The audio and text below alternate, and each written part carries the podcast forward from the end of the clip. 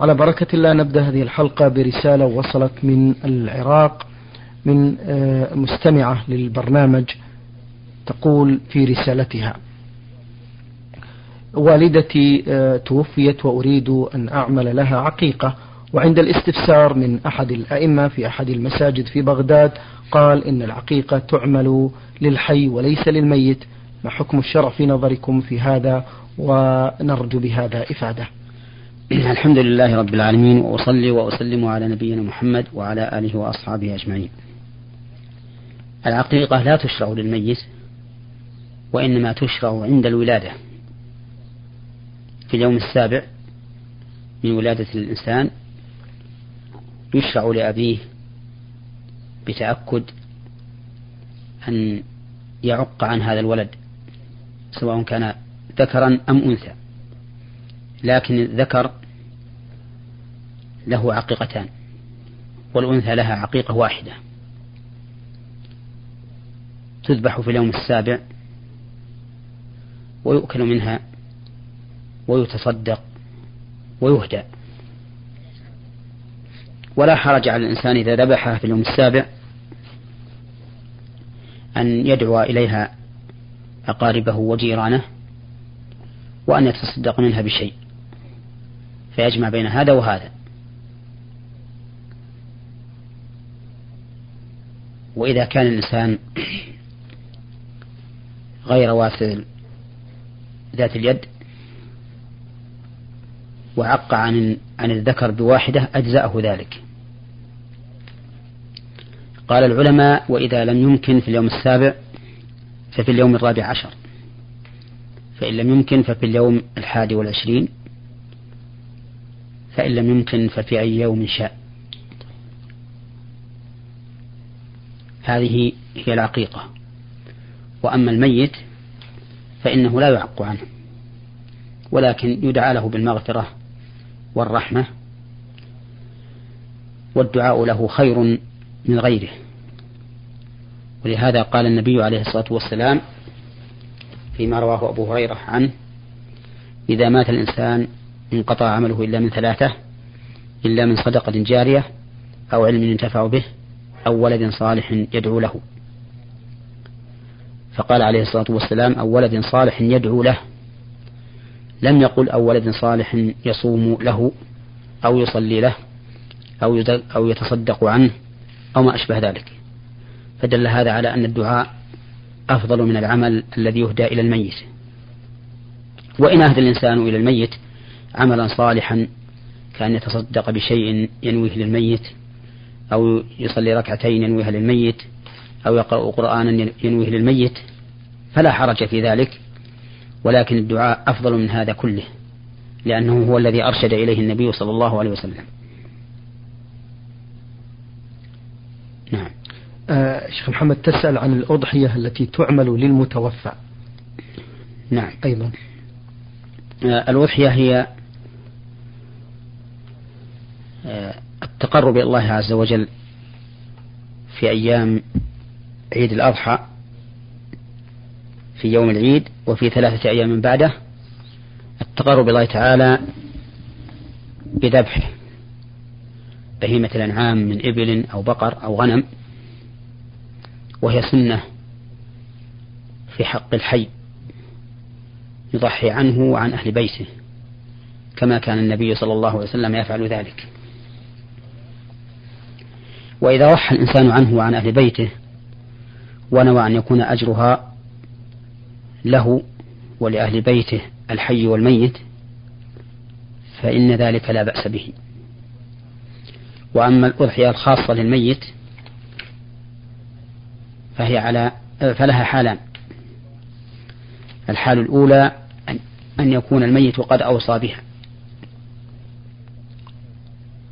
فإذا كان قد أوصى بها فإنها تفعل تنفيذا للوصية. لقوله تعالى حين ذكر الوصية فمن بدله بعدما سمعه فإنما إثمه على الذين يبدلونه. إن الله سميع عليم. فمن خاف من موص جنفا أو إثما فأصلح بينهم فلا إثم عليه. إن الله غفور رحيم. فإن هاتين الآيتين تدلان على أن وصية الميت تنفذ ما لم تكن إثما أو جنفا. أما الحالة الثانية في الأضحية عن الميت فأن يضحي بها الإنسان عنه ابتداء. فهذه قد اختلف فيها أهل العلم. هل هي مشروعة أو غير مشروعة؟ فمنهم من قال إنها مشروعة كالأضحية عن الحي وكالصدقة عن الميت. ومنهم من قال إنها غير مشروعة لأن ذلك لم يرد عن النبي صلى الله عليه وسلم فقد مات للنبي عليه الصلاة والسلام من أقاربه من مات ومن زوجاته كذلك ولم يرد أنه ضحى عن كل واحد منهم بخصوصه. مات له بناته الثلاث وأبناؤه الثلاثة ولم يضحي عن واحد منهم واستشهد عمه حمزة بن عبد المطلب رضي الله عنه في أحد ولم يضحي عنه.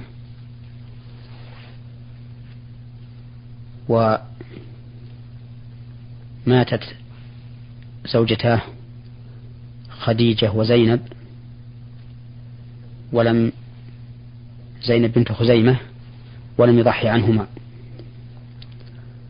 ولو كان هذا من الأمور المشروعة لفعله النبي صلى الله عليه وسلم. ولكن أقول إذا أردت أن تضحي عن الميت فضحي عنك وعن أهل بيتك وانوي أنها لك ولأقاربك الأحياء والأموات وفضل الله واسع.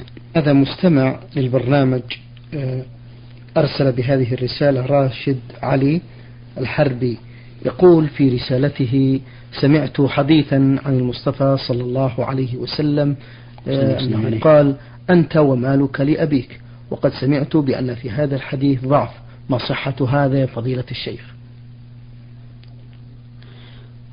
هذا الحديث الصحيح أنه ليس بضعيف وأنه حجة. وأن الإنسان وماله لأبيه. ومعنى ذلك أن الإنسان إذا كان له مال فإن لوالده أو فإن لأبيه أن يتبسط بهذا المال وأن يأخذ منه ما شاء. لكن بشرط بل بشروط. الشرط الأول أن لا يكون في أخذه ضرر على الابن فإن كان في أخذه ضرر كما لو أخذ غطاءه الذي يتغطى به من البرد أو أخذ طعامه الذي يدفع به جوعه فإن ذلك لا يجوز. لا يجوز للأب وكذلك يشترط أن لا تتعلق به حاجة الإبن. فلو كان عند الإبن أمة يتسراها فإنه لا يجوز للأب أن يأخذها لتعلق حاجة الإبن بها. وكذلك لو كان للإبن سيارة يحتاجها في ذهابه وإيابه وليس لديه من الدراهم ما يمكنه أن يشتري بدلها فليس للأب أن يأخذها في هذه الحال.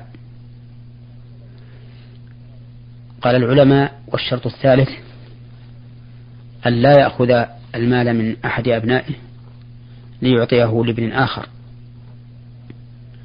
لأن في ذلك إلقاء للعداوة بين الأبناء ولأن فيه تفضيلا لبعض الأبناء على بعض. إذا لم يكن الثاني محتاجا.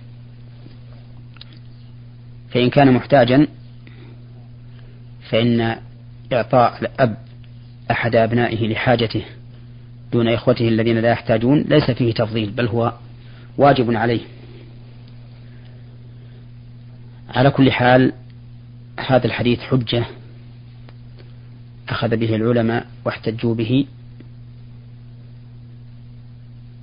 ولكنه مشروط بما ذكرنا. فإن الأب ليس له أن يأخذ من مال ولده ما يضره وليس له أن يأخذ من مال ولده ما يحتاجه ما يحتاجه الابن وليس له أن يأخذ من مال ولده ليعطي ولدا آخر. والله أعلم. الحقيقة أمامي آه، تذكرة سفر مجانية. يقول أرجو أن تعرضوها على فضيلة الشيخ محمد بن صالح بن عثيمين هذه الرسالة شيخ محمد آه، مكتوب فيها أولا البطاقة الشخصية الاسم الإنسان ابن آدم الجنسية من تراب العنوان كوكب الأرض البيانات آه، محطة المغادرة كوكب الأرض الدنيا جهة السفر الدار الآخرة موعد الرحلة وما تدري نفس ماذا تكسب غدا وما تدري نفس بأي أرض تموت موعد الحضور لكل أجل كتاب تليفون رقم الصلوات الخمس. آه، شروط الرحلة على حضرات المسافرين الكرام اتباع التعليمات الواردة في كتاب الله وسنة نبيه مثل طاعة الله ومحبته وخشيته وطاعة رسوله صلى الله عليه وسلم وطاعة ولي الأمر. آه، التذكر الدائم للموت الانتباه إلى أنه ليس في الآخرة إلا جنة أو نار. العفش المسموح به اثنين متر من القماش أبيض العمل الصالح الولد الصالح يدعو له علم ينتفع به آه، ما سوى ذلك لا يسمح باصطحابه في الرحلة. لمزيد من المعلومات يرجى الاتصال الفوري بكتاب الله وسنة رسوله صلى الله عليه وسلم. ملاحظة الاتصال مباشرة ومجانا. رحلة سعيدة ما رأيكم من فضيلة الشيخ في هذه التذكرة؟ أرنيها. نعم. آه، رأيي في هذه التذكرة التي شاعت منذ زمن وانتشرت بين الناس ووضعت على وجوه شتى منها هذا الوجه الذي بين يدي وهي عبارة عن ورقة مكتوب في صفحتها. هذه البيانات الذي التي سمعتموها من الأخ عبد الكريم. و وضعت كذلك على صورة تذكرة طائرة ووضعت على وجه آخر وفي أعلى الصفحة صورة طائرة جامبو وهذه الورقة كما سمعتم بياناتها من الأخ عبد الكريم. تشبه أن تكون استهزاء بهذه الرحلة. وانظر إلى قوله آه، في أرقام التلفون آه، اثنين أربعة أربعة ثلاثة أربعة. يشير إلى الصلوات الخمس اثنين لصلاة الفجر وأربعة أربعة للظهر والعصر وثلاثة للمغرب وأربعة للعشاء. فجعل الصلاة التي هي أركان الإسلام التي هي أعظم أركان الإسلام بعد الشهادتين جعلها أرقاما للتلفون. ثم قال إن موعد الرحلة آه، ما تدري نفس ماذا تكسب غدا وما تدري نفس بأي أرض تموت. فأين الوعد في هذه الرحلة؟ وقال موعد الحضور لكل أجل كتاب آه، فأين تحديد موعد الحضور؟ المهم أن كل فقراتها فيها آه، شيء من الكذب ومنها العفش الذي قال إن منه العلم الذي ينتفع به والولد الصالح. وهذا لا يكون مصطحبا مع الإنسان ولكنه يكون بعد الإنسان. فالذي أرى أن أن تتلف هذه التذكرة وأن لا تنشر بين الناس وأن يكتب بدلها شيء من كتاب الله أو من سنة الرسول صلى الله عليه وسلم حتى لا تقع مثل هذه المواعظ على سبيل الهزء. وفي كتاب الله وسنة رسوله صلى الله عليه وسلم ما يغني عن هذا كله. وإنني بهذه المناسبة أود أن أنبه إلى أنه كثر في هذه الآونة الأخيرة كثرت النشرات التي تنشر بين الناس ما بين أحاديث ضعيفة بل موضوعة على رسول الله صلى الله عليه وسلم وبين مراء منامية تنسب لبعض الناس وهي كذب وليست بصحيحة. وبين حكم تنشر وليس لها أصل. وإنني أنبه إخواني المسلمين على خطورة هذا الأمر. وأن الإنسان إذا أراد خيرا فليتصل برئاسة إدارات البحوث العلمية والإفتاء والدعوة والإرشاد في المملكة العربية السعودية وليعرض عليها ما عنده من المال الذي يحب أن ينشر ما ينتفع الناس به وهي محل ثقة وأمانة والحمد لله. تجمع هذه الأموال وتطبع بها الكتب النافعة التي ينتفع بها المسلمون في هذه البلاد وفي غيرها. أما هذه النشرات التي ليست مبنية على شيء وإنما هي أكذوبات أو أشياء ضعيفة أو حكم آه، ليست ليست حقيقية بل هي كلمات عليها مؤاخذات وملاحظات. فإنني لا أحب أن ينتشر هذا في بلادنا ولا في بلاد غيرنا من المسلمين. وفيما صح من سنة الرسول عليه الصلاة والسلام كفاية. والله المستعان. الله المستعان. المستمع أختكم في الله المستمعة أختكم في الله غين حا من المملكة تقول في رسالتها. لقد سمعت حديثا عن الرسول الكريم صلى الله عليه وسلم ما معناه أن من حفظ سورة أو آية من القرآن الكريم ونسيها بعد ذلك بأنه قد ارتكب ذنب. ما مدى صحة هذا الحديث يا فضيلة الشيخ؟ نعم. هذا الحديث روي عن النبي عليه الصلاة والسلام فيه الوعيد الشديد على من حفظ آية من كتاب الله ثم نسيها. وهذا الحديث إن صح فالمراد به من نسي هذه الآية تهاونا وإعراضا عن كتاب الله عز وجل وعدم مبالاة به. وأما من نسيها بمقتضى الطبيعة أو بانشغاله بما يجب عليه من شؤون أو بانشغاله بما يجب عليه من شؤون حياته وحياة أهله فإنه لا إثم عليه. وقد ثبت عن النبي صلى الله عليه وسلم أنه نسي آية في صلاته فذكره بها أبي بن كعب رضي الله عنه بعد أن سلم فقال هل لا كنت ذكرتنيها؟ يعني من قبل. وثبت عنه أنه مر صلى الله عليه وسلم برجل يقرأ في بيته فقال رحم الله فلانا لقد ذكرني آية كنت أنسيتها. والنسيان من طبيعة البشر. كما قال النبي عليه الصلاة والسلام إنما أنا بشر مثلكم أنسى كما تنسون. والعجيب أن بعض الناس لتهيبه من عقوبة الله عز وجل لعب به الهوى.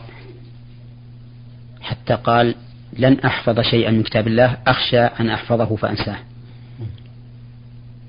فمنع نفسه من الخير بهذه الحجة التي لا أساس لها من الصحة. ونحن نقول احفظ كتاب الله عز وجل وتعاهده ما استطعت. كما أمر بذلك النبي عليه الصلاة والسلام فإنه أمر بتعاهد القرآن.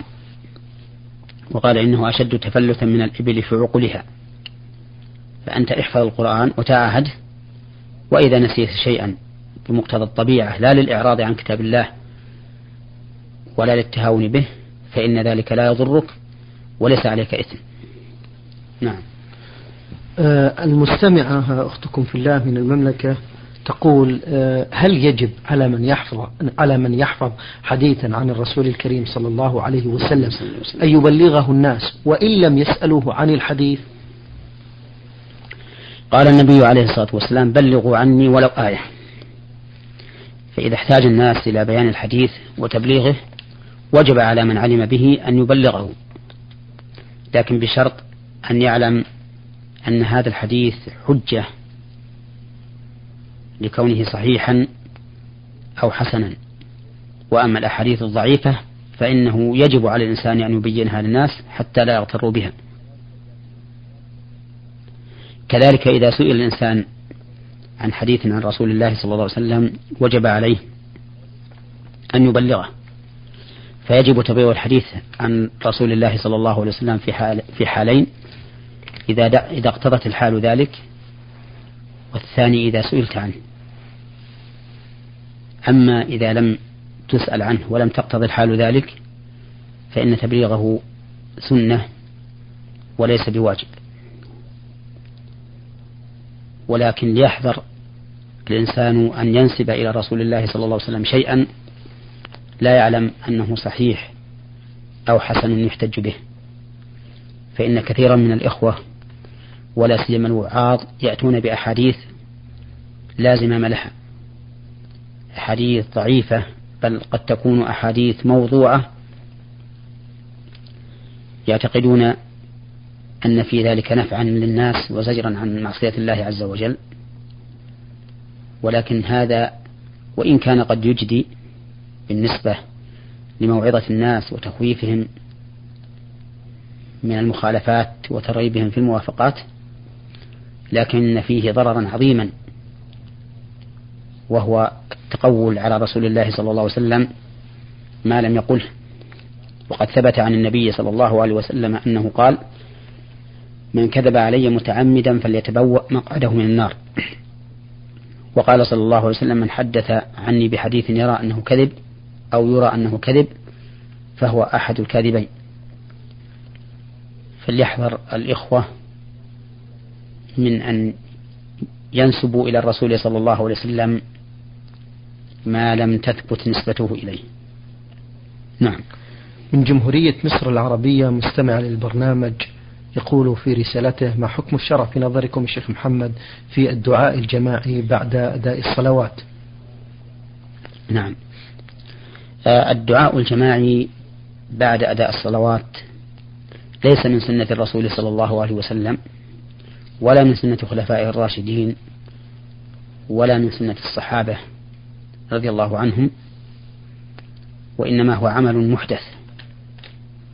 وقد ثبت عن النبي صلى الله عليه وسلم أنه قال عليكم بسنتي وسنة الخلفاء الراشدين المهديين من بعدي تمسكوا بها وعضوا عليها بالنواجذ وإياكم ومحدثات الأمور فإن كل محدثة بدعة. وكان صلى الله عليه وسلم إذا خطب احمرت عيناه وعلى صوته واشتد غضبه حتى كأنه منذر جيش يقول صبحكم ومساكم ويقول أما بعد فإن خير الحديث كتاب الله وخير الهدي هدي محمد صلى الله عليه وسلم وشر الأمور محدثاتها وكل بدعة ضلالة. فهذا الدعاء الجماعي أو الذكر الجماعي بعد الصلوات محدث بدعة وكل بدعة ضلالة. والمشروع في حق المصلي أن يدعو قبل أن يسلم لأن هذا هو محل الدعاء الذي أرشد إليه النبي عليه الصلاة والسلام حيث قال فيما صح عنه من حديث ابن مسعود رضي الله عنه حين ذكر التشهد قال ثم لتخير من الدعاء ما شاء. وهو دليل على أن ما على أن محل الدعاء آخر الصلاة وليس ما بعدها. وهو كذلك الموافق للنظر الصحيح. لأن الإنسان لأن كون الإنسان يدعو في صلاته قبل أن ينصرف من بين يدي الله أولى من كونه يدعو بعد صلاته. والمشروع بعد الصلوات المفروضة الذكر. كما قال الله تعالى فإذا قضيتم الصلاة فاذكروا الله قياما وقعودا وعلى جنوبكم. وكما كان ذلك هدي رسول الله صلى الله عليه وسلم. والمشروع أيضا أن يجهر بهذا الذكر لأن هذا هو المعروف في عهد النبي صلى الله عليه وسلم. كما صح ذلك في البخاري من حديث ابن عباس رضي الله عنهما قال كان كان رفع الصوت بالذكر حين ينصرف الناس من المكتوبة على عهد النبي صلى الله عليه وسلم. اللهم إلا.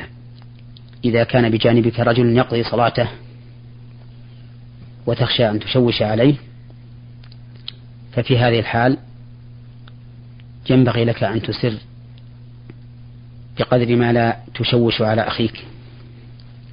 لأن التشويش على الغير إيذاء له. ولهذا لما سمع النبي صلى الله عليه وسلم أصحابه يصلون في المسجد ويجهرون نهاهم عن ذلك. وقال لا يجهر, بعض لا يجهر بعضكم على بعض في القرآن. وفي حديث آخر قال لا يؤذين بعضكم بعضا في القراءة. فبين الرسول عليه الصلاة والسلام أن جهر الإنسان بالصلاة بالقراءة. فبين النبي صلى الله عليه وسلم أن جهر الإنسان بالقراءة بحيث يؤذي غيره. بل فبين النبي صلى الله عليه وسلم أن جهر الإنسان بالقراءة أذية للغير إذا كان حوله من يتأذى به. والخلاصة أن ما بعد الصلاة موضع ذكر وما قبل السلام في التشهد الأخير موضع دعاء. هكذا جاءت به السنة. وأن الذكر الذي يكون بعد الصلاة يشرع الجهر به ما لم يتأذى به من إلى جنبه. الله أعلم. بارك الله فيكم الشيخ محمد. وعظم الله مثوبتكم على ما قدمتم لنا وللإخوة المستمعين الكرام. أخوتنا المستمعين الكرام كان ضيفنا في هذا اللقاء هو فضيلة الشيخ محمد بن صالح بن عثيمين الأستاذ بكلية الشريعة بالقصيم وخطيب وإمام الجامع الكبير بمدينة عنيزة. شكر الله لفضيلته وشكرا لكم أنتم على حسن المتابعة ونتمنى أن نلتقي في الغد ونحن وإياكم بخير وعافية بحول الله وقوته. انتهت حلقة هذا اليوم. سلام الله عليكم ورحمته وبركاته. نور على الدرب. برنامج يومي يجيب فيه أصحاب الفضيلة العلماء على أسئلة المستمعين. البرنامج من تقديم وتنفيذ عبد الكريم صالح المقرن